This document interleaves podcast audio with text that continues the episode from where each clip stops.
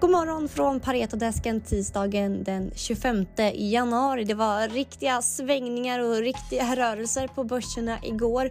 Vi börjar med eh, Sverige där börserna var riktigt röda igår.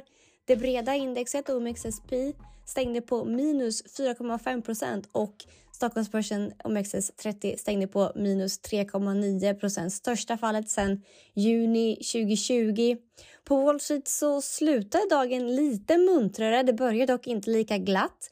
S&P var som mest ner 4% lätta techaktier. Nasdaq ner nära 5% men börserna lyckades sedan hitta ny styrka och båda indexerna stängde på plus. Sådana här intradagsrörelser är ovanliga. Senast vi såg denna intradagsrörelse var i mars 2020.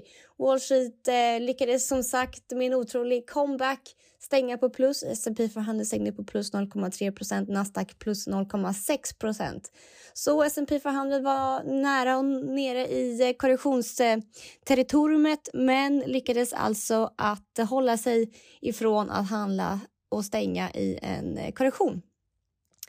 Eh, tillväxtaktier outperformade value-aktier igår för en gångs skull. Men de flesta sektorer gick bra på Wall Street och de flesta sektorer stängde högre igår. Consumerbolag ledde uppgången men även energi och industri gick starkt på amerikanska börsen igår. Av de bolagen vi täcker här på Pareto så har vi hittills i år sett störst nedgång i Nibe, Swedencare och Surgical Science. Nibe är ner 37 procent i år, Swedencare 36 procent och Surgical Science 34 och de som har gått bäst, förutom Aspire som har fått bud på sig, så har energibolagen och råvarubolagen klarat sig bäst i år. Och vi ska prata lite extra om Lundin Mining idag. Bolaget är upp 5% i år och håller emot sättningen eh, bra, eller hur Johan? Jo, men så är det ju. Vi ser ju att eh, många råvarubolag och råvarusektorer håller emot relativt väl här, vilket vi tycker är, tycker är rimligt. Om man tittar på gruvbolagen och som Lundin Mining, det är ju väldigt mycket koppar och guld och det är ju råvaror som vi tycker bör stå emot väl i en marknad där många är oroade över inflationstryck och, och ränteökningar och så där. Och dessutom koppar gillar vi ju strukturellt också med elektrifiering och och urbanisering över närmsta eh, flerårsperioden. Så att Lundin Mining ligger kvar som ett, ett bolag som vi gillar. Och eh, vad, vad, vad har vi för eh, koppar-outlook eh, just nu då? Vad har vi för uppsida att vänta oss? Är det mer stabilt kanske?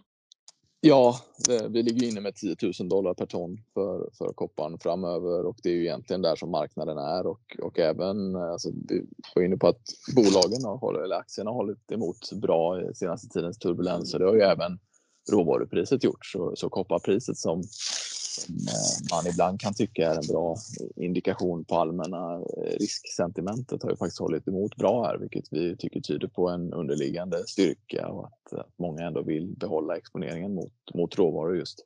Så att, eh, nej, som sagt 10 000 dollar per ton har vi som, som antagande och vi ligger egentligen eh, flat med det här närmsta åren och det är ju relativt nära där marknaden är.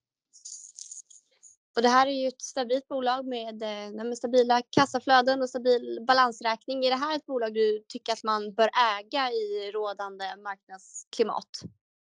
Ja, men absolut. Vi kom ut med en uppdatering idag här på morgonen där vi eh, bibehåller vår köprekommendation. Riktkursen justerar vi upp något till 95 kronor från tidigare 90 och den stora förändringen nu i, i Lundin Mining-caset är ju att man precis innan jul annonserade förvärvet av José Maria Resources vilket ju eh, ytterligare ökar kopparexponeringen för bolaget. Så José Maria är ju ett, ett projekt som, eh, eh, som, som innehåller just mycket koppar och guld, eh, men produktionsstart ligger några år framåt i tiden så att eh, vi eh, modellerar ju att man kommer starta produktion där 2026. Så att det är ju en, en investeringsfas kopplat till det här projektet under ett antal år och sen så kommer man i produktion då från 2026 och då blir det väldigt fina eh, kassaflöden från koppar och guld. Då.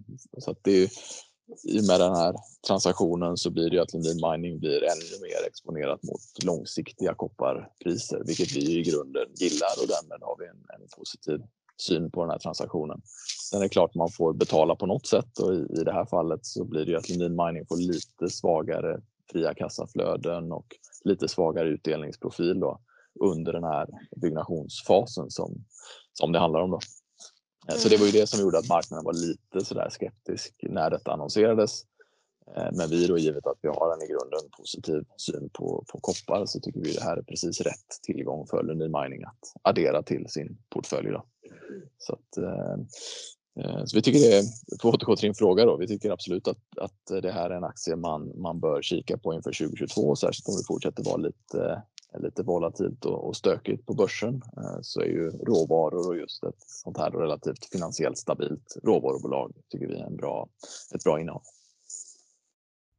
Tack så mycket Johan och tack så mycket för att ni har lyssnat idag. Jag vill påminna om att eh, analysteamet har en eh, virtuell presentation klockan 12 idag där vi presenterar våra bästa case inför 2022 och de eh, lite mer stabila casen vi tror passar bra i den här, den här eh, makromiljön vi är i just nu. Så om ni vill lyssna in där kan ni gå in på webbplattformen och hitta information hur man får tillgång till det eventet. Tack så mycket. Vi är tillbaka igen imorgon.